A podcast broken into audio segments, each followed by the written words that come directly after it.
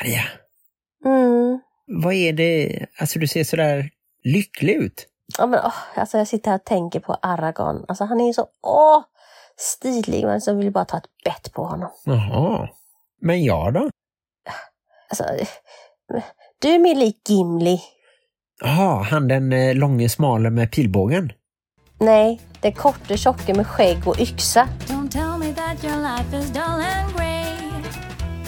My only answer is hey, hey, hey, hey. Let's go crazy in the wild, and if by chance we make a child, that just means that we're alive and healthy. Hej och välkomna till avsnitt 191 av Bonuspappan och Plus mamman. En podd om livet i en bonusfamilj med tyngdpunkt på föräldraskap och relationer. vi sänder i samarbete med Hallands Nyheter, dagstidningen i Varberg och Falkenberg med omnejd. Den här härliga trotjänare, den blåvit-svarta pappersgiganten. ja, det lät ju fint med tanke på att mitt favoritlag också är blåvitt. Det var ju dumt sagt av mig i så fall. Undrar om Hallands Nyheter skulle kunna gå med på att bli gulsvarta. Ja, då tror jag nog hellre att de vill vara grönsvarta som boys eller gula och lite vita som FFF. Nej, det blir inte bra det heller. Jag tycker i alla fall att ni ska läsa Hallands Nyheter på www.hn.se. Mm. Där kan ni bland annat läsa om det nya tv-programmet Elitstyrkans hemligheter. För det har jag skrivit om. Jag har intervjuat två av deltagarna som råkar vara härifrån våra trakter. För här är vi mästare på att leva hårt ute i djungeln med bara en machete och en krita. Nej, men det är intressanta personligheter och ett spännande program bygger på ett brittiskt format. SAS Who Dares Wins i original. Men vad gör de då i programmet? De ska genomgå samma prov som blivande elitsoldater. Så de får vara ute och hoppa ner i isvakar och de blir jagade och förhörda och får göra jättejobbiga hinderbanor och allt Kommer de att stå och skrika och svära åt dem sådär då? Ja, men de ska väl stressa dem på olika sätt för att se framförallt om de är tillräckligt eh, tuffa mentalt då. Så här, kom igen! Du har bara fått två likes på den där bilden. Det är jäkligt stressande. Man skulle ha en sån med bara influencers. Och så skulle de tävla om vem som kunde överleva på sociala medier. Precis, du har världens bästa hårdag men du får inte ta en selfie. Jag tror i och för sig de har gjort det i Storbritannien med eh, kändisar då, också någon sån här version. Men det var nog inte lika hårt som originalet. Vem vet, det är faktiskt tufft att vara kändis. Tänk att leva sådär under luppen hela tiden. Folk har koll på allting du gör och bryr sig om allting du gör. Mm. Jag tycker det är tillräckligt jobbigt att vara så här lite feskänd som jag är här i Varberg. Ja, just det.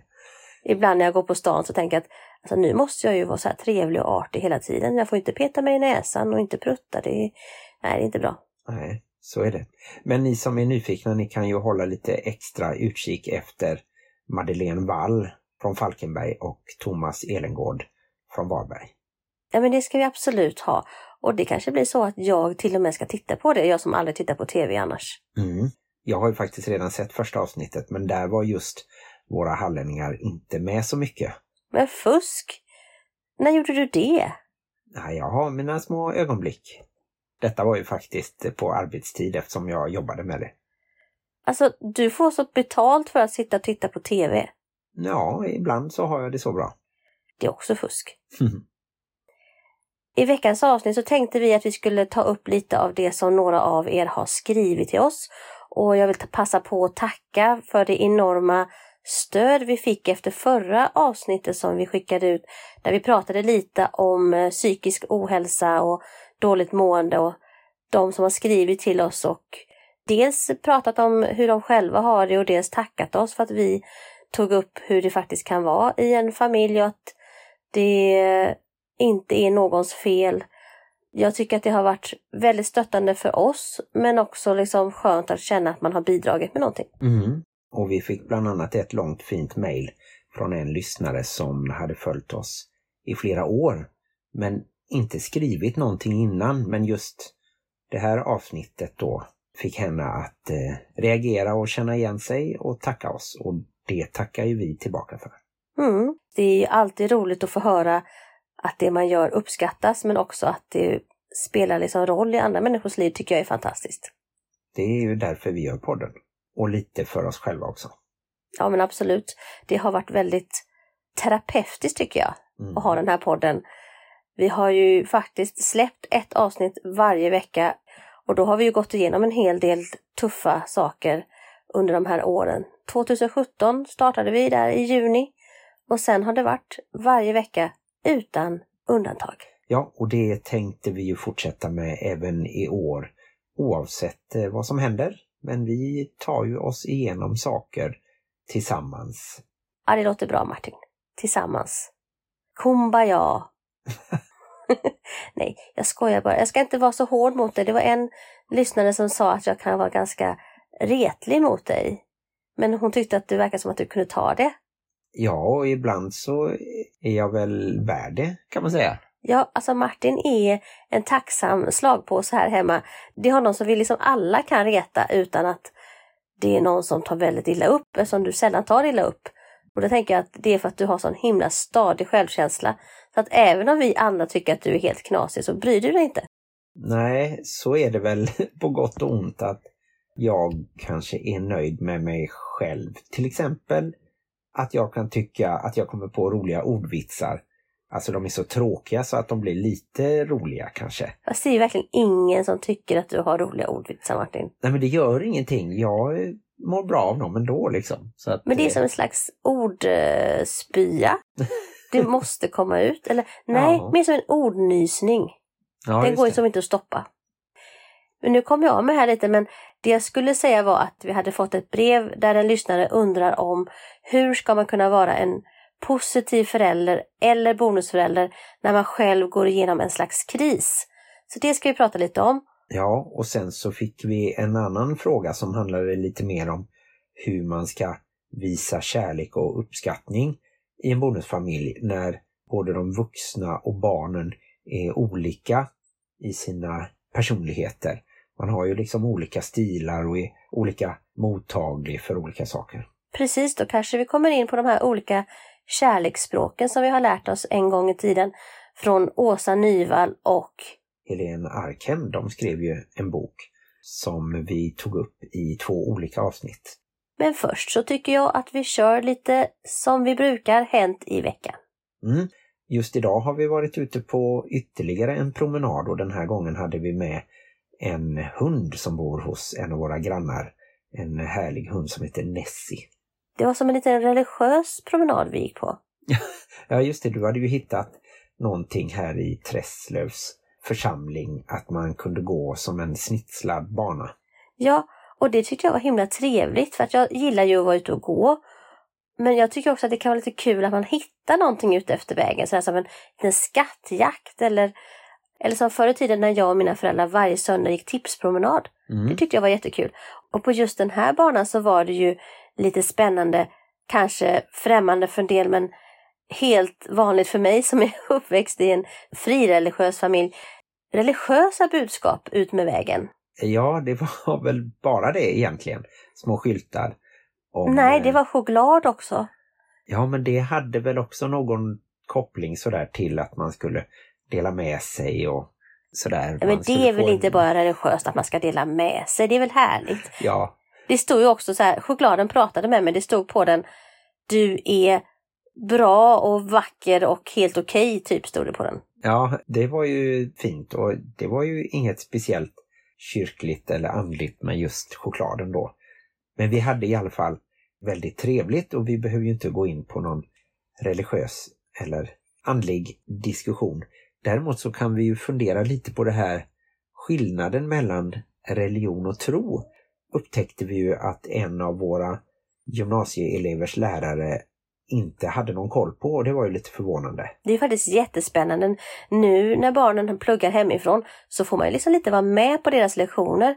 Och jag tror faktiskt att det är så att en del lärare, de tänker inte på att vi vuxna faktiskt lyssnar på dem också Mm. när de har sina lektioner. Och just detta som du pratar om nu blir jag ju lite upprörd över.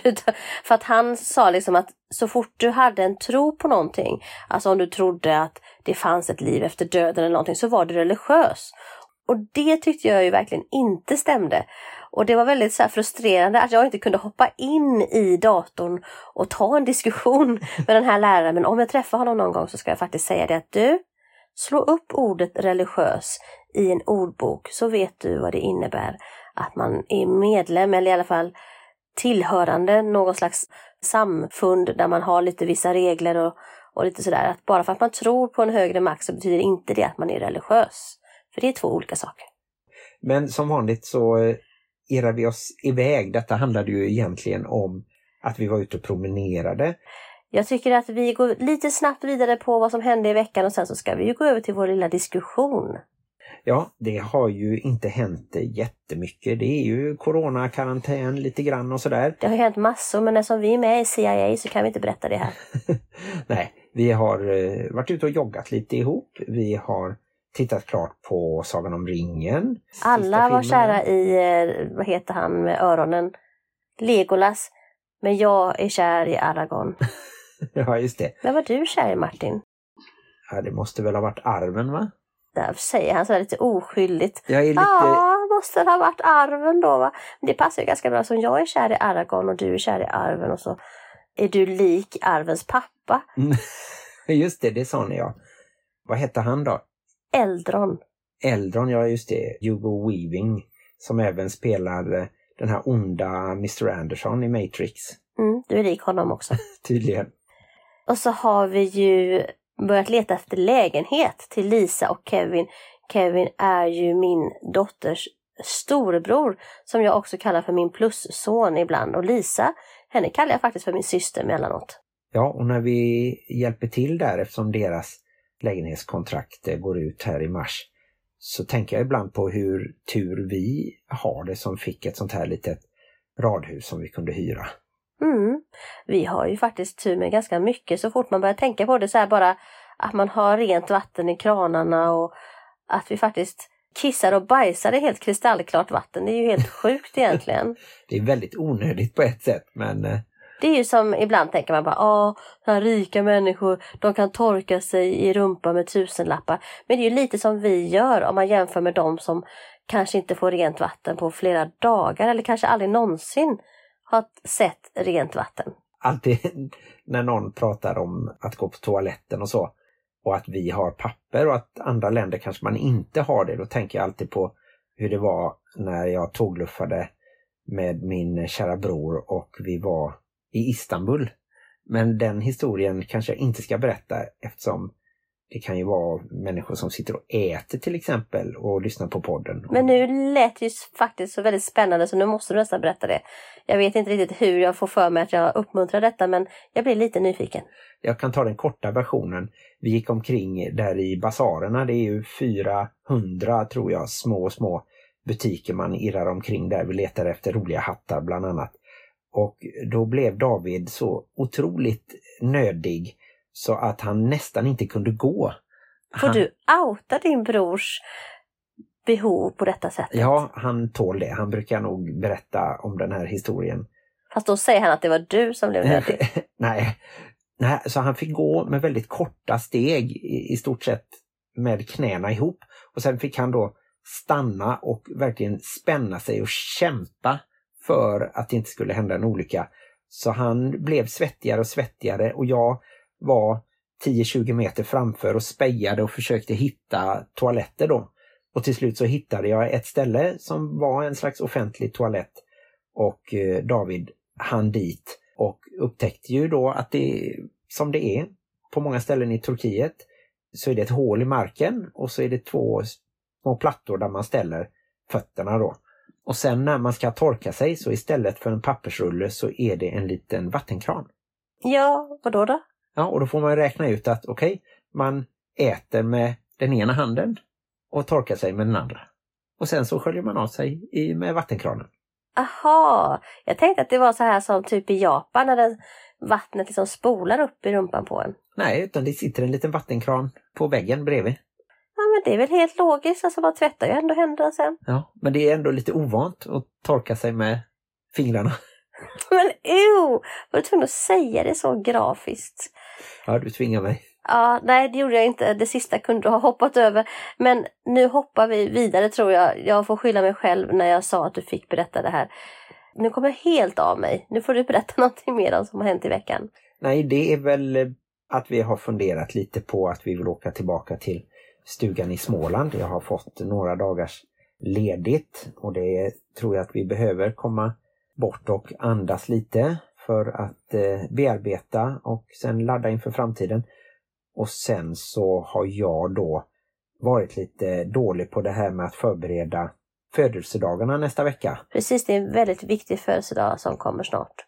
Ja, Saga fyller 19. Men du tänkte förstås på att du själv fyller Du behöver inte säga hur mycket jag fyller tycker jag. Jag börjar faktiskt, alltså jag bryr mig inte så mycket men det börjar kännas som att det är en väldigt hög siffra.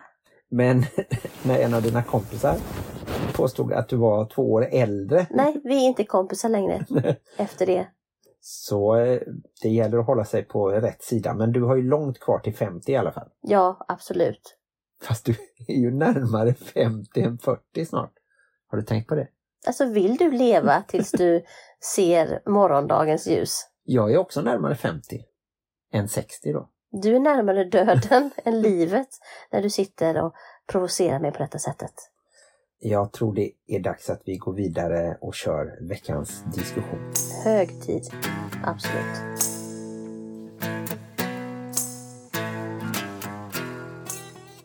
Då är det alltså dags att prata bonusfamilj i denna podd som är just om livet i bonusfamiljen.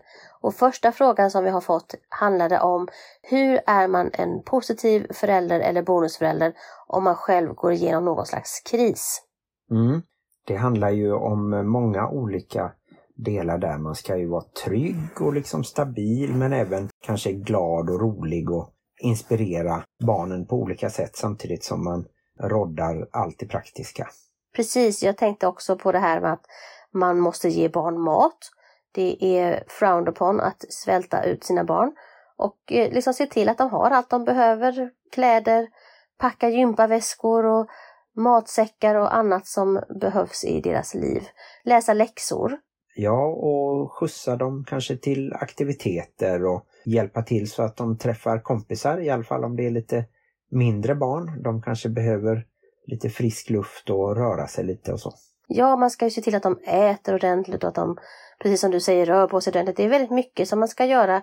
Och om man själv då mår lite taskigt, att man kanske har haft en kris, man kanske har förlorat någon, eller kanske förlorat ett jobb, eller så kanske man själv har liksom dålig hälsa, man är sjuk. Ja, det kan ju vara både psykisk ohälsa och något fysiskt och så allmän stress eller utmattningssyndrom som gör att man kanske bara vill gå och krypa ihop någonstans och må dåligt. Ja, och man kan ju ha oro för ekonomin till exempel. Man kan ju också liksom känna att man är i någon slags konflikt eller fejd med någon annan. Det mår man ju ganska dåligt av. Och det finns ju en hel del som kan få en ur balans helt enkelt. Och hur gör man då för att vara en glad och närvarande förälder tycker du? Jag har ju inget jättebra svar måste jag erkänna men jag tror på gott och ont att jag kanske har lätt att gå in i ett lågaffektivt bemötande. Det kan vara, tror jag, jobbigt för vissa att stora kriser kanske inte märks på mig direkt. Och sen har jag ju haft väldigt tur i mitt liv och inte drabbas så hårt kanske.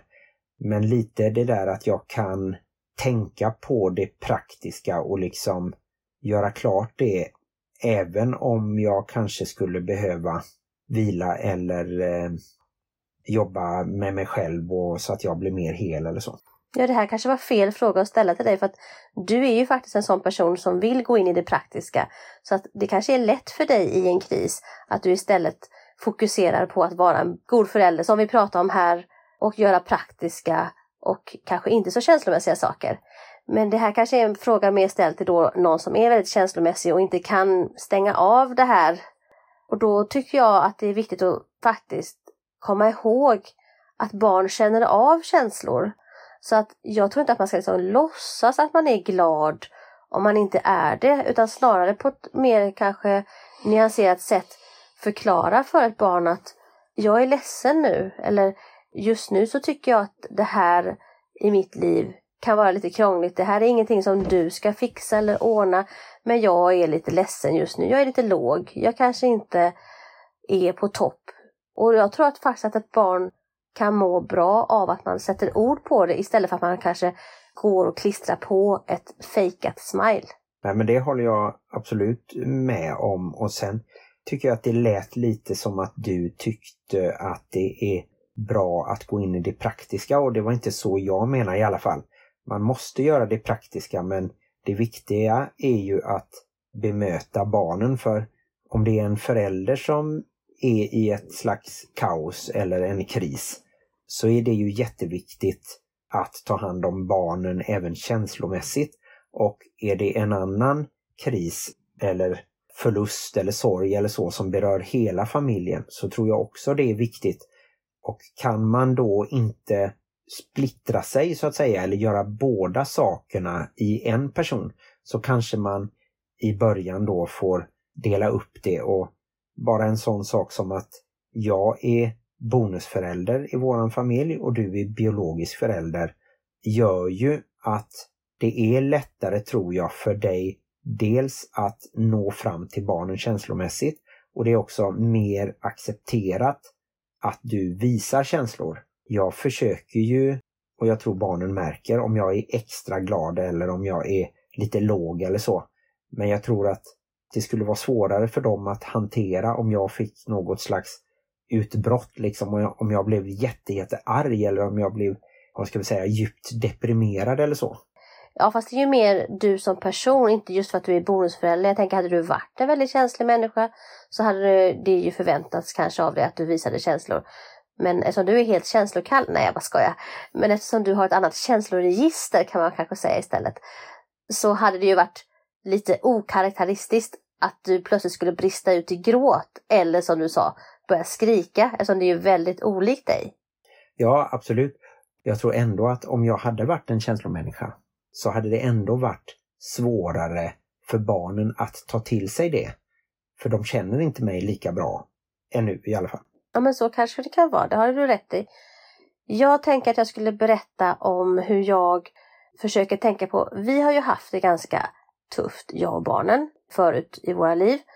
Och då var det kanske ganska ofta som jag grät och var ledsen och upprörd över saker som liksom kanske var mer stora och kaosartade och det som faktiskt var riktigt rejält jobbiga. Och då tänker jag att nu för tiden om jag då kanske blir ledsen och då kanske jag kan bli ledsen för att jag är trött eller att jag har PMS eller någonting. Och då tänker jag att jag måste få visa mina känslor men jag försöker faktiskt förmedla för mina barn att det är ingen fara. Alltså så att inte de ska tänka att bara för att jag är ledsen och upprörd så är det liksom något stort som har hänt. Utan då kan jag säga att ah, men nu är jag lite trött eller just nu mår jag inte så bra men det är som ingen fara. Jag tänker att vi ska lära våra barn att känslor är okej okay, och att det kan finnas olika nivåer av känslor. Så att det inte blir en så stor grej för nästa generation eller kanske generationen efter det att se en människa gråta. Mm. Tror du att barnen med tanke på det som har hänt då är mer vana vid det så att de lättare accepterar det än om det hade varit barn som hade vuxit upp och aldrig hade sett en förälder vara ledsen. Ja men så blir det ju med allting. Alltså jag kommer ihåg att jag har väl kanske sett min pappa gråta en eller två gånger i hela mitt liv. Mm. Och att den upplevelsen blir liksom extra stark och extra jobbig och extra svår. Medan min mamma kanske brast i gråt ibland bara för att det var någonting ledsamt på tv eller någonting. Så att det var inte som inte lika upprörande. Bara, ja men mamma gråter igen ungefär. Mm. Mm. Jag tror det. Även om jag inte är helt säker. Men det känns ändå som att barnen kan hantera just de situationerna när du kanske blir ledsen då om det har hänt någonting. Mm. Om vi då ska prata lite mer om hur man ska liksom ha ork då kanske. Hur ska man liksom orka ta hand om en familj rent fysiskt? Och då tänker jag att det är jätteviktigt att man faktiskt vilar. att man faktiskt gränsar av och säger att jag behöver vila nu för att jag ska orka de här viktiga sakerna. Och att man tar bort vissa oviktiga saker. Till exempel så måste man ju inte ha absolut rent hemma. Allting måste inte vara precis städat. Men det kanske är viktigt att man får mat. Mm. Då kanske man kan vila, strunta i städningen och sen så gå upp och laga mat. Mm. Jag tror ju också att eh, den som vågar liksom slå av sin mobil Nu ska du inte svära i kyrkan Martin. skulle märka hur mycket tid man sparar. Och jag är själv dålig på det, särskilt då om man räknar in surfplatta eller dator. När jag har kommit till ro på kvällen så kanske jag tänker att ah, men nu ska jag titta på någonting. Till exempel en tv-serie som vi följer som heter Blacklist. Men skulle jag ta bort all den tiden, då skulle jag ju kunna sova mer eller vila mer. Ja, fast jag tycker, alltså så där säger alla om man ska ha mindre skärmtid och så. Men just den grejen stressar mig. Som en del säger, men nu ska jag ha en mobilfri vecka. Jag hade ju inte haft någon skön vecka. Jag hade ju varit så bara, åh gud vad jobbigt och stressigt det hade varit. Så jag vet inte om jag tyckte att det där var en jättebra idé. Men för en del kanske det kan vara så ifall man kanske bara fastnar i att slösurfa. Men jag gör ju ganska vettiga saker på min mobiltelefon tycker jag. Jo, men du lever ju genom det på ett annat sätt eller du har dina sociala medier på ett mer aktivt sätt och sådär. Jag tror inte att jag skulle märka så stor skillnad om jag inte la ut någonting på en vecka. Ingen jag- skulle märka Nej, någon skillnad det är du inte la ut någonting på en menar. vecka. Ja. För att det är ungefär så det är. ja, men och vi är olika och det måste man få vara. Men jag tänker just det att när man är trött att man faktiskt då ger sig den chansen att vila och eh, jag tror att det är ganska bevisat att de flesta blir störda av sina mobiler. Mm. Men om vi ska fortsätta på det här med att få ork och energi så tänker jag att det är som en gammal klokhet det här med att man ska gå ut och få lite solljus på pannan. Att det är viktigt att ta vara på den ljusa tiden som är väldigt liten på den här delen av året och på den här delen av jordklotet. Mm. Men försöka vara vaken den tiden, kanske inte då om vi ska gå vidare på mobiltelefonen, sitta uppe till klockan två med mobiltelefonen, och kanske sova på kvällar och nätter och sen vara vaken när det faktiskt är ljust och då ta sig ut, kanske ta en liten promenad, kanske gå till affären istället för att köra bilen. För att då får man en helt annan slags sömn också, om man får lite luft och lite rörelse och allt det här. Mm. Och det är ju också vetenskapligt bevisat att man mår bra av rörelse och motion. Det är väl bland annat eh, läkaren Anders Hansen har ju skrivit om det i sin bok Hjärnstark. Hur man kan ordinera motion och se att det är i princip lika bra som eh, psykofarmaka. Mm. Så då har vi tagit det här med luft, motion, vila. Då har vi också kosten kvar. Och det är ju faktiskt så att vi behöver ge våra kroppar bra energi. Så att även om man då kanske tappar all matlust när man är deprimerad och nere och stressad så det är viktigt att få i sig bra och nyttig mat med jämna mellanrum. Och ibland så kan det vara så att när man är ledsen och deprimerad så vill man bara sitta och äta choklad. Det är inte heller jättebra kanske. Utan att man varierar sig lite och får i sig det som kroppen behöver. Mm. Samtidigt, jag skulle ju absolut förstå de som tycker att det blir jättejobbigt just att till exempel laga mat och diska.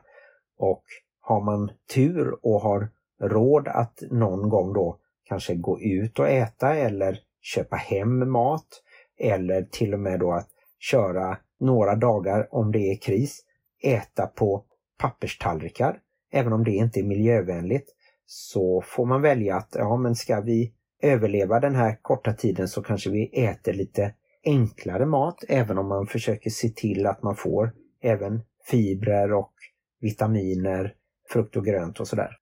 Och är det riktigt, riktigt, riktigt kris, då låter man Martin laga maten. Då blir det väldigt enkel eh, men ändå mättande. Det är inte helt utan att, som i alla amerikanska filmer när det är så någon som är ledsen, så, så kommer de hem med mat till dem. Och det är faktiskt ganska bra egentligen om någon går igenom en kris att komma hem med lagad mat. För att det är jäkligt jobbigt att försöka planera vad man ska äta och sen åka iväg och handla vad man ska äta och sen Mm. tillaga det man ska äta. Bara sådana saker kan verka helt oövervinneliga om man mår dåligt faktiskt. Mm. Jag tror att det kan passa för vissa och sen så kanske det kan bli lite krångligt och jobbigt för andra beroende på då till exempel vilken ålder barnen är, vad de gillar för mat och att man ska ha kontakt med någon kompis när man kanske tycker att det är jobbigt och sådär. Det finns, Men de kan bara skjuta in chokladkakor under dörren. ja just det, fast Eller choklad skulle man ju inte äta bara.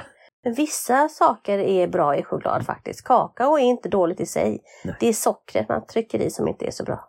Det som jag tycker är bra med det är att jag tror att många vänner och släktingar gärna vill hjälpa. Och känner man då att ja, men just mat, det vill vi ha för oss själva eller det är lättast med tanke på att vi har en allergiker eller vad det skulle vara. Då kan man ju säga det, men jag tror att många skulle ställa upp och laga en middag till exempel och komma och lämna den utan att stanna till och med. Ja, det är inte alldeles enkelt men man kan ju faktiskt erbjuda sig. Vill ni att vi kommer hem med mat till er eller finns det någonting vi kan göra? Finns det någonting vi kan köpa eller handla eller någonting? Att man faktiskt bara erbjuder sig att göra det är ju en bra sak. Mm. Och då har vi kommit fram till det sista som jag tänkte säga på det här med hur man ska orka vara en förälder. Det är ju just att ta emot hjälp som vi har varit inne här på. Att ifall någon säger så här, men jag kan ta era barn och de kan komma hit och käka eller de kan komma hit och leka eller umgås. Då ska man inte bara, nej men ni behöver inte göra det. Låt andra hjälpa. För man kan ju faktiskt hjälpa andra genom att låta dem hjälpa en. Att man ska inte vara den här ensam är stark typen. Nej, det håller jag med om. Och jag tror också att vi kan säga, även om inte vi är några experter, att eh, man kanske inte alltid kan vara en perfekt förälder. Man kanske inte kan vara närvarande utan det är okej att vara mänsklig och det är helt okej att må dåligt. Och då får man säga det och hoppas på lite förståelse från barnen och sen så kommer man tillbaka nästa dag. Eller om man är två föräldrar så kan man växeldra lite och är en förälder bättre på att ta det känslomässiga och prata om hur man mår och varför och vad som ska hända så kanske den föräldern då kan få slippa lite av det praktiska arbetet och så får en av föräldrarna ta lite större ansvar för liksom hushållsarbete och så. Sen måste ju jag slå ett slag för någonting som funkade väldigt bra för mig. Och det var det här med dels att ha kreativt skapande. Att sitta och bara måla eller rita eller någonting annat som faller en i smaken. Kanske skapa i lera. Bara få göra någonting med händerna för att koppla bort den tänkande hjärnan och komma in i känslor eller annat som behöver komma ut. Det funkade jättebra för mig.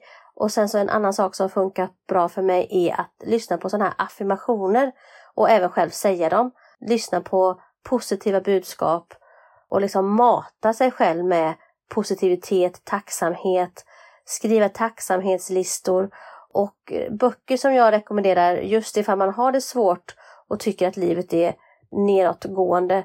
Det är Att välja glädje med Kai Pollak, Att växa genom möte med Kai Pollak och så alla Mia Törnbloms böcker, de här Självkänsla nu och, och vad de nu heter. Ja, det är ju lätt att googla och hitta de böckerna. Och jag kan ju då i så fall tipsa om, för det du sa var lite mer om man som kanske individ ska kunna må lite bättre och vända på sina tankar och komma igenom den här krisen. Ja fast då orkar man ju också mer tänker jag. Ja just det, Nej, men det är jätteviktigt att man gör det också så att man inte står stilla. Men jag tänker för familjen så för oss har det funkat att spela spel till exempel. Då har man ju lite en annan värld man går in i.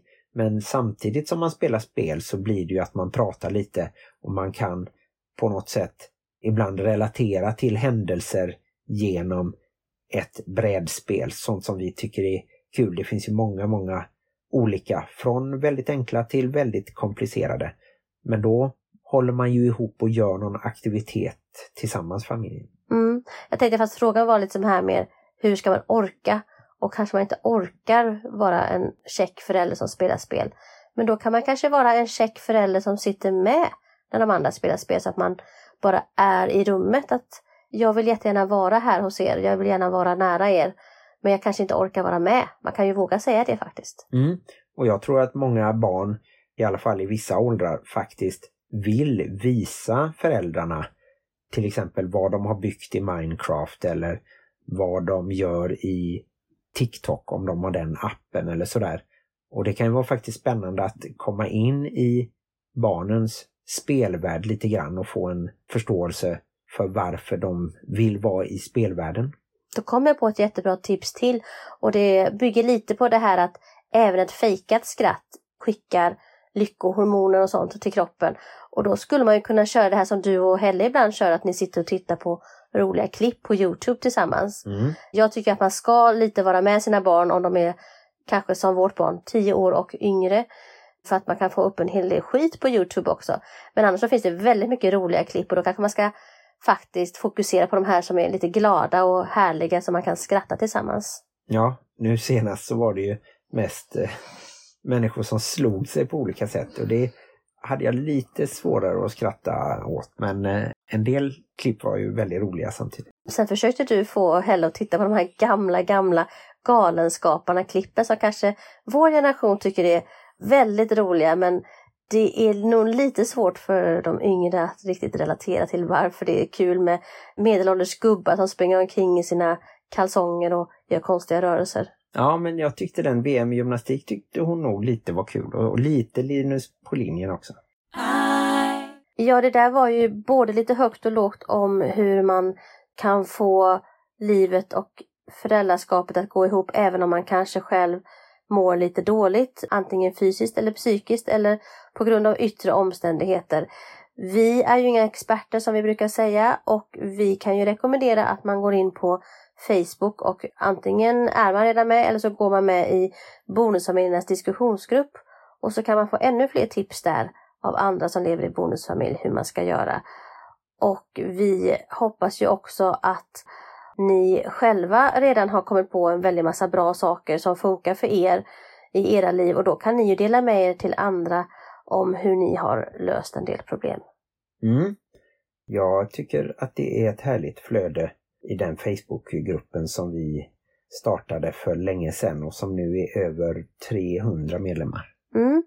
Men ska vi gå vidare då på nästa fråga? Tycker du att vi har i alla fall, även om det blev mycket om eh, både utkanten och inkanten om det här, har vi sagt någonting vettigt om hur man klarar av att vara en närvarande förälder i kris? Ja, men det är väl upp till lyssnarna att bedöma kanske. Ni får gärna kontakta oss om ni har några frågor. Vi har väl inte något eh, tankesätt sådär som vi har skrivit ner utan eh, vi försöker väl vara ganska spontana. Nästa fråga handlade ju lite om hur man ska visa kärlek och uppskattning i en bonusfamilj när man då som vuxna är olika i personlighet och sådär och även barnen kan ju vara väldigt olika och det kan även finnas diagnoser som gör att både mottagandet och det här med att visa uppskattning skiljer sig åt. Plus att i en bonusfamilj kan du komma in i ett barns liv när den kanske är ganska gammal och det kan ju vara svårt att, som vi har berättat tidigare, visa fysisk närhet och kärlek och omtanke till en 15-åring. Det är lite lättare med en liten treåring som kanske glatt springer in i ens famn och sätter sig i ens knä till exempel. Då, Mm. då kan man ju få den här fysiska närheten och lätt ge en kram. Men hur ger man en tonårsgrabb eller tjej en kram? Det kan ju, som en bonuspappa till exempel, kanske det är, vi pratade om det häromdagen, att du aldrig hade borstat mitt hår till exempel. Och så skrattade vi lite och sa det att ja, men du får ju öva, du har ju tre döttrar, ja, sa jag då. Och så sa du att ja, det hade varit lite konstigt ifall jag hade börjat kamma deras hår. Mm, mm. Och så är det ju faktiskt att det finns ju en del gränser som man inte kan liksom korsa över som bonusförälder. I alla fall så får man ju ta det lugnt och så kanske ta en liten omväg via humor och annat för att kunna få den närhet som en biologisk förälder kanske har mycket mer naturligt. Mm. Men jag menar, jag kan ju säga till exempel om jag ser att något av barnen har någon ny tröja eller någonting på sig eller ja, någonting annorlunda så kan jag säga, ja, är det en ny tröja eller ja, vad snygg den var. Men däremot så kanske jag inte säger till då någon av tonåringarna sådär, ja, vad söt du ser ut idag. Eh, Den nej, relationen har vi Det inte. hade varit väldigt creepy. Men det kan ju du säga och det kan ju deras biologiska pappa säga. hade sagt vad söt du är. Vad säger du tjej, varför inte? Man kan ju Mm, säga vad ja. bra du ser ut i det. Men jag vet inte, ska det vara kärlek att man liksom eh, bedömer någons utseende? Vi skulle ju prata lite om hur man visar kärlek och uppskattning. Nej, men det var bara som ett exempel att berömma barnen på något sätt eller oftast så tycker jag ju att det är lättast när man redan pratar om någonting och om de berättar om någonting som de har gjort eller så. Jag tycker det är svårare för mig med tonåringarna om jag liksom ska ta initiativ och säga någonting om vi inte redan pratar om någonting. Vi kanske ska nämna här för er som inte har varit med de senaste avsnitten att det var faktiskt Martins nyårslöfte att han skulle berömma bonusbarnen mer i år 2021. Mm. Och sen tänkte jag också att vi kanske ska ta den här frågan i två olika delar för att visa uppskattning känns ju som en sak och visa kärlek är en annan sak. För visa uppskattning kan ju faktiskt vara precis som du sa, kanske inte just vad bra du ser ut men vad bra du har gjort eller vad, vad kul att du deltar, vad roligt att du är med. Det är ju sådana saker som är uppskattning. Medan kärlek är ju en helt annan sak, att visa att jag bryr mig om dig och jag tycker om dig. Ja, men eh, allt sånt alltså när någon är hjälpsam eller bara är allmänt liksom eh, trevlig när vi är ute och promenerar eller sådär. Då försöker jag passa på att säga att jag tyckte att det var trevligt eller att vad kul att du var med eller sådär. Mm. Jag tycker ju faktiskt att i vår generation, som då är Martin i 60-årsåldern och jag i Va? 30-årsåldern. Vi kan ju faktiskt lära oss att ge varandra uppskattning, inte just för saker som vi gör. Alltså inte sådär bara, vad duktig du har varit som har gjort det här, fått bra betyg, bla bla bla. För så blev vi ju uppskattade i våra barndom och ungdom. Utan att man mer ska hylla och lyfta de här sakerna som du också nämnde. Att vilken omtänksam människa du är och vad roligt att du eh, hjälper din syster eller vad kul att du spelade spel med din brorsa. Att man mer visar uppskattning för de sakerna. Och det tror jag att många i liksom föräldraålder nu ungefär kan ha lite svårt för eftersom vi oftast fick höra hur duktiga vi var. Ja, det tror jag stämmer att det kanske var mer prestationsinriktat men jag tror också att det beror väldigt mycket på liksom vilken familjekultur man har. Så det är inte bara en generationsfråga. Ja, men så kan det absolut vara, det har du helt rätt i. Men hur ska man då visa uppmärksamhet om vi då ska ta bort prestation och vi har redan sagt det här med att uppmuntra att vara en snäll och vänlig människa. Har du någon mer idé om hur man visar uppskattning?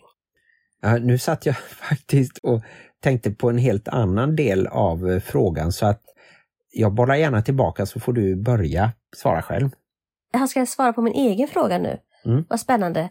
Ja, då svarar jag som så att jag tycker det är väldigt härligt när jag märker att mina barn faktiskt intresserar sig för någon annan. Alltså som min dotter häromdagen, hon frågade mig, hur har du haft det idag? Och då sa jag till henne, men vad roligt att du vill veta hur jag har haft det, vad, vad glad jag blir att du intresserar dig för mig. Då uppmuntrade jag ju och eh, uppskattade henne för att hon frågade mig hur jag hade haft det. Ja, just det. Men det, det hände faktiskt bara för några dagar sedan när jag frågade hur har du haft det i skolan? Det brukar jag fråga. Och då sa hon, ja bra. Hur hade du det på jobbet? Ja, Och nej, så men det är fick ju jag säga, ja, jo, men det var väl som vanligt och ja, det var bra. Ja, men det tycker jag faktiskt man ska uppmuntra att i den här självcentrerade världen som det ibland kan bli, att man faktiskt uppskattar och uppmuntrar att de vänder sig utåt, att de intresserar sig för andra människor, hur de har det och hur de mår och, och sådär. Mm. Och jag menar, det sättet att visa uppskattning tror jag att jag kan och att jag faktiskt gör också. Jag frågar hur det går i skolan eller vad de har på gång i övrigt, liksom sådär när de ska träffa kompisar eller eh, göra sina olika små projekt eller är iväg och tränar på någonting eller sådär då. Ja, men vad duktig du är Martin. Nu uppmuntrar jag dig och uppskattar dig för att du gör det. För det Fast du lät lite ironiskt. Ja, fast för att du missförstod mig lite. Frågan var, hur visar jag uppskattning för en egenskap hos en annan person? Och det var egenskapen att intressera sig för andra som jag uppskattade. Jo, men jag tror också att barnen uppskattar att jag bryr mig, menar jag. Ja, det var det jag associerade till. Att man faktiskt då frågar, då är ju det jag som frågar. Jaha, men hur gick det när du var iväg och skejtade? Eller jaha, ska du ha den kostymen på någon cosplay eller sådär? Mm. Så att jag bryr mig, att jag vill veta någonting. Det är en liten balansgång där, för jag som förälder då, biologisk och ursprungsförälder, jag vet också att det, man lätt kan falla dit på att barnen tycker att men gud vad jobbig hon är som frågar alla de där sakerna. Så man får gå en liten balansgång som jag sa, att mellan att fråga för mycket och fråga lagom. Ja, och det tycker jag att man märker kanske på första svaret. Svarar någon på ett sådant sätt så att det inbjuder till en följdfråga eller svarar de bara ja, det var okej. Då vet man liksom att aha, nej, men då var det ämnet kanske inte så intressant att diskutera. Mm. Men vad var det du hade tänkt på? Jo, det var lite det här att eh, vi faktiskt är olika personligheter. Även om ingen i en familj har någon speciell diagnos eller så, så är det ju ändå ett visst spektra mellan till exempel hur man visar uppskattning men även då hur man tar emot kärleken. Precis som jag som visar uppskattning genom att bita dig. Och du tillåter mig att bita dig. Ja, faktiskt det är viktigt när man är din make att man får bli lite klämd på och biten och så. Ja, jag är helt normal. Mhm. Och då tycker jag att det kan vara lite svårt att växla om då när man har lärt känna barnen lite och så vet man att ja men den personen, då kan man vara så detaljerad eller man kan fråga om någonting som har hänt i den sfären. Kanske skolan är okej men inte kompisar. Kanske det går att prata om träning men inte kläder eller vad det skulle vara sådär. Jag tycker att det tar tid innan man liksom kan veta hur personlig man kan vara. Liksom. Mm. Och man har ju en liten, liten ledtråd i hur den personen tilltalar och uppskattar dig. Om du har en person som då kanske frågar dig, hur har du haft det idag? Då vet du att det är så den personen intresserar sig. Då kan man liksom spegla den andra och fråga liksom ungefär samma sak. Eller säga samma sak. Om man då har en person som kanske ofta säger vilka fina skor du har och så. här. Nu är vi ju inne på det här med saker och prestationer igen som kanske inte var det vi uppmuntrade men ändå. Då kanske man kan förstå att ja, men den personen vill gärna ha komplimanger. Då kanske man kan ge lite komplimanger. Lite så tänker jag att det blir som en liten vinkning till ungefär vad den andra personen vill. Hur den visar kärlek är ett sätt som den vill få kärlek. Hur den visar uppmuntran till andra är en liten vink till hur den vill bli visad uppmärksamhet och uppskattning. Ja, det tror jag och jag tror också att i alla fall våra barn är så smarta, medvetet eller omedvetet, att, Nej, det är för att de är mina barn. ja, att de vet då att jag gärna vill hjälpa till. Jag vill gärna göra tjänster för att det är ett av mina kärleksspråk. Och då kanske det blir så att de ber mig om att jag ska skjutsa dem någonstans eller att jag ska kolla på något eh, mattetal eller ja, det kan vara olika sådana saker. Och då får jag ju göra det som jag faktiskt gillar att göra. Jaha. då får jag liksom chansen att visa kärlek genom det. Så du tänker att de visar dig uppskattning genom att säga skjutsa mig någonstans? Nej men de vet kanske det att ja, men det klarar jag och det gillar jag. Däremot så ber de mig inte om råd om de ska ge presenter till någon till exempel för att det kanske de vet att jag inte är så bra på. Mm. Ja, men det är en eh, liten balansgång där också, att veta hur man ska kommunicera med andra. Och just den kommunikationen vi pratar om här idag är ju hur visar jag uppskattning och kärlek? Ska vi då gå liksom lite mer in på det här med kärlek? Eller om vi då ska dra ner det en eh, oktav och säga hur visar man att man tycker om någon? För kärlek är ju kanske ett stort ord i bonusfamiljer och sådär. Man kanske tänker att men jag älskar faktiskt inte mina bonusbarn. Jag uppskattar dem och tycker om dem. Men hur ska man, vilken nivå ska man lägga sig på? Hur ska man visa att jag gillar dig? Det beror ju också lite på, är du själv en fysisk person som gillar närhet eller som är liksom van vid att kramas eller att eh, klappa om dina kompisar och släktingar och sådär. Då kanske det blir konstigt att plötsligt hålla distans även när det inte är coronadistans. Precis, det har varit en utmaning för väldigt många att kunna visa kärlek och närhet utan att ens ta varandra i hand nu i coronatiden. För en del är det jätteskönt det här med att de slipper fysisk beröring.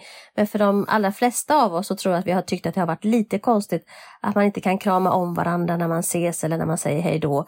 Och inte ens den här väldigt klassiska handskakningen. Ja, Nej, jag tror att man får väl börja någonstans och jag tror att man märker lite instinktivt om ett barn liksom gillar den typen av närhet. Och även där beror det ju på ålder. Det är lättare då om man träffar sina bonusbarn när de är under 10 år till exempel. Då kanske det blir mer naturligt. Då har man kanske inte sin personliga sfär lika ja, utarbetad. Mm. Jag tänker att det finns ju en del elektronisk kommunikation nu för tiden och att skicka ett sms till någon kan ju faktiskt vara lite av en jag uppskattar dig och gillar dig grej. Ja, absolut. Jag tycker ju att det har varit svårt ibland att, som jag när jag var i min förra bonusfamilj, så hade jag ju både mina egna biologiska barn och så hade jag ett bonusbarn. Och jag tyckte det var svårt att hitta den här balansen att visa, som vi pratade om här innan, dels fysisk kärlek som jag gjorde då naturligt till mina barn, men också kanske mer den här verbala, att man säger orden, jag älskar dig. En del människor säger ju det väldigt enkelt, jag älskar dig, och så säger man, svarar man, ja, jag älskar dig med. Men till en del så känns det kanske inte lika naturligt att säga det och då kan det kännas lite konstigt om jag säger jag älskar dig då till tre av barnen och så gör jag inte det till det fjärde barnet. Det känns ju inte riktigt som att nej men jag gillar inte dig. Men det känns ju också som att jag vill säga det ärligt när jag säger det. Ja, det är absolut en balansgång och det kanske blir någon som då blir sårad av att de hör att bara något barn då får höra de orden. Så det kanske man i så fall ska ta i enrum om man inte kan säga det till alla. Mm, det är ett bra förslag faktiskt att då kanske istället för att försöka tvinga sig själv och säga det när det inte känns riktigt äkta och genuint. Det kan vara precis i början till exempel, när man inte har lärt känna varandra. Så kanske det är bättre att dra ner på det, det andra lite då. Ja. Eller som du säger, säga det någon gång när inte alla är närvarande så att det inte blir sådär utpekande att jag älskar dig, jag älskar dig, jag älskar dig. Och det tycker jag om. Mm.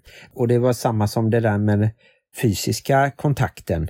Det kan ju bli ganska naturligt om man gör någon fysisk aktivitet. Rugby. Ja, till exempel. Det kan vara någon idrott eh, eller någon annan liksom aktivitet eller någonting där man ska vara i lag, där man behöver liksom samlas och gå undan och diskutera någonting.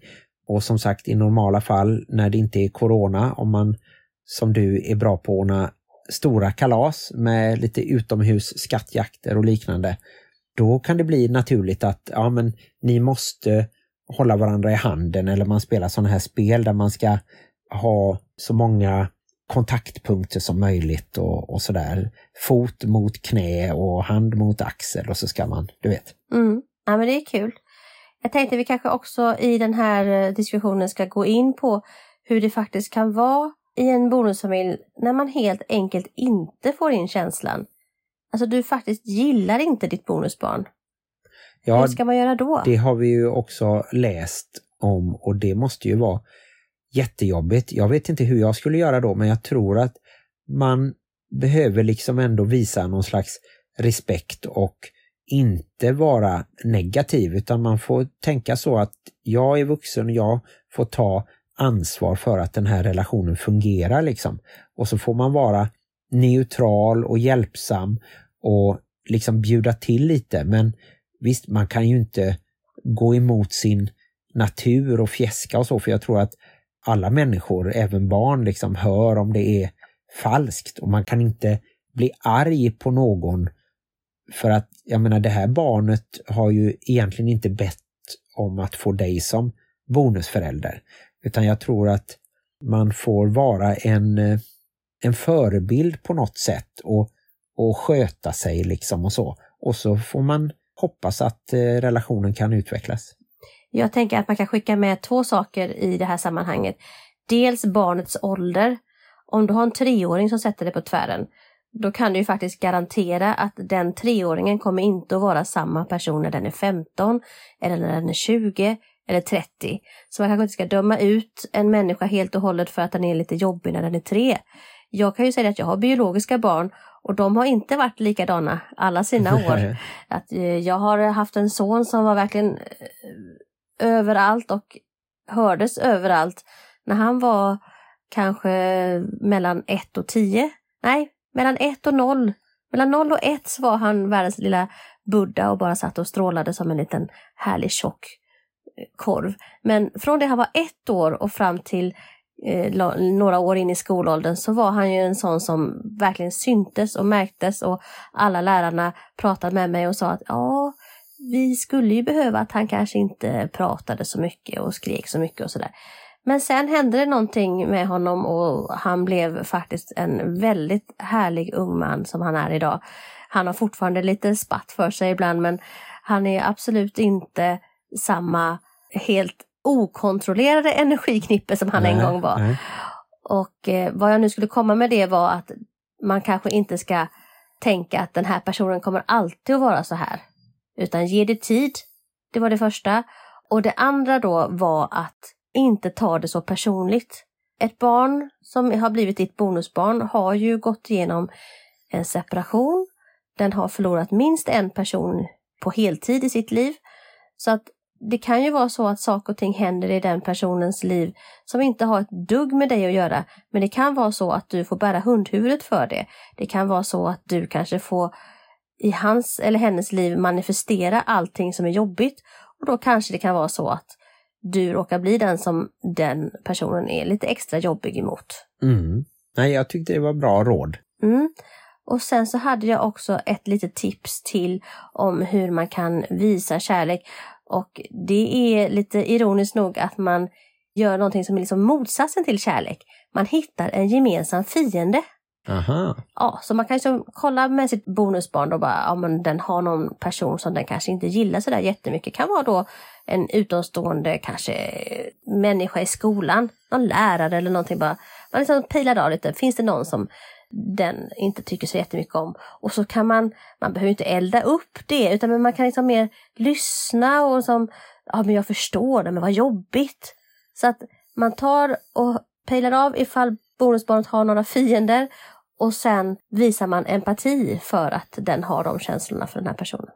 Man skulle ju också kunna ta någonting som inte är just en levande människa i samma stad och sådär utan att man kanske gemensamt ogillar en musikstil till exempel. Att man går in för att om ens bonusbarn då inte gillar dansband så kan man ju hjälpa till att ogilla det eller ett eh, fotbollslag från Borås till exempel. Om man inte gillar det så kan man hjälpas åt att hitta, jag tänker att om det ska vara en lärare och så ska man uppmuntra barnet att ogilla en Aha, lärare. Nej, det blir jag lite... menar inte att man ska uppmuntra barnet att ogilla utan mer att du ska vara förstående. Bara, aha, du ska lyssna liksom. Att, jag sa ju det att man ska inte elda upp det för att men just att jag sa det här att man ska hitta någon fiende istället för att man ska hitta en gemensam sak. Det säger ju många. Men hitta någonting som ni tycker om båda två. Så tänker jag att hat är en ganska stark känsla. Så därför ska man hitta en gemensam fiende eller någonting som båda två inte tycker om. Man kan liksom hata Trump tillsammans till exempel, som man då gör det. Eller tomater. Ja, precis. Eller eh, att man hatar, jag tycker, det, man ska inte hata, men ibland så kan det vara lite kul då ifall du då som bonusförälder och ett av mina barn så här lite skojgaddar ihop er mot mig. Aha, som då i det, det här händer. fallet är biologisk förälder. Och då kan jag bjuda på det, för då blir det liksom det blir som en liten lek på något sätt. Mm, man hatar de som gör en skidbacke av osten, till exempel. Ja, precis. Försök att hitta gemensamma fiender och på det sättet visa dina bonusbarn kärlek.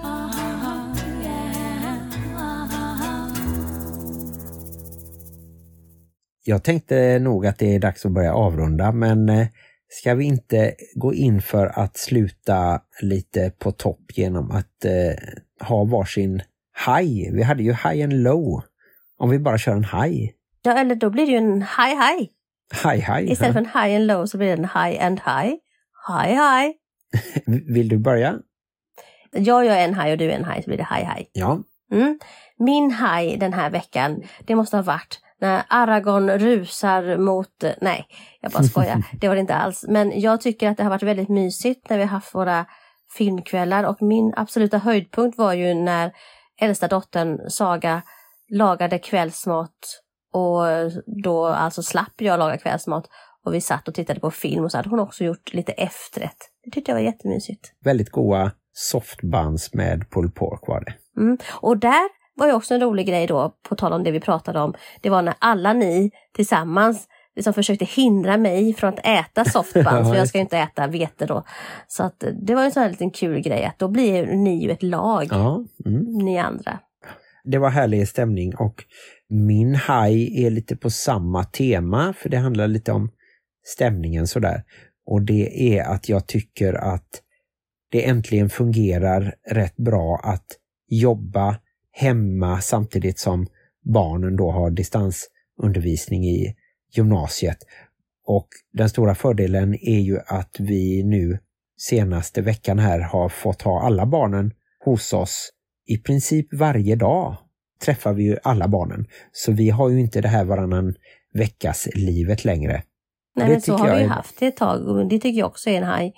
Och på tal om det här med att jobba hemifrån så hade jag en lite rolig incident som kanske inte är en haj men som jag ändå kan berätta. Och det var att min kompis ringde mig och så ville jag sitta någonstans där eh, ingen annan var. Så sprang jag liksom omkring bara, nej i köket där satt det två. Så gick jag in i Ivas rum, där satt du. Och sen gick jag upp, då var Lycke hemma. Och till sist så tänkte jag, ah, jag får sätta mig på toaletten precis som man gjorde när barnen var små och man försökte få liksom lugn och ro. Jaha. Då låste man in sig på toaletten för att få lite egen tid. Så det var det jag fick göra. Jag satt inne på toa och pratade med min kompis. Så är det när man är sex personer i fyra rum och kök. Mm.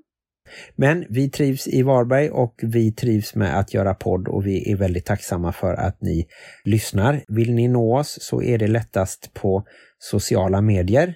Ni hittar oss på Facebook och Instagram. Det är bara att skriva Bonuspappan och Plusmamman så kommer vi fram. Ja, och där hittar ni mig för jag tar aldrig en mobiltelefonpaus. Ni kanske inte hittar Martin för han är ute på Tradera och försöker fynda.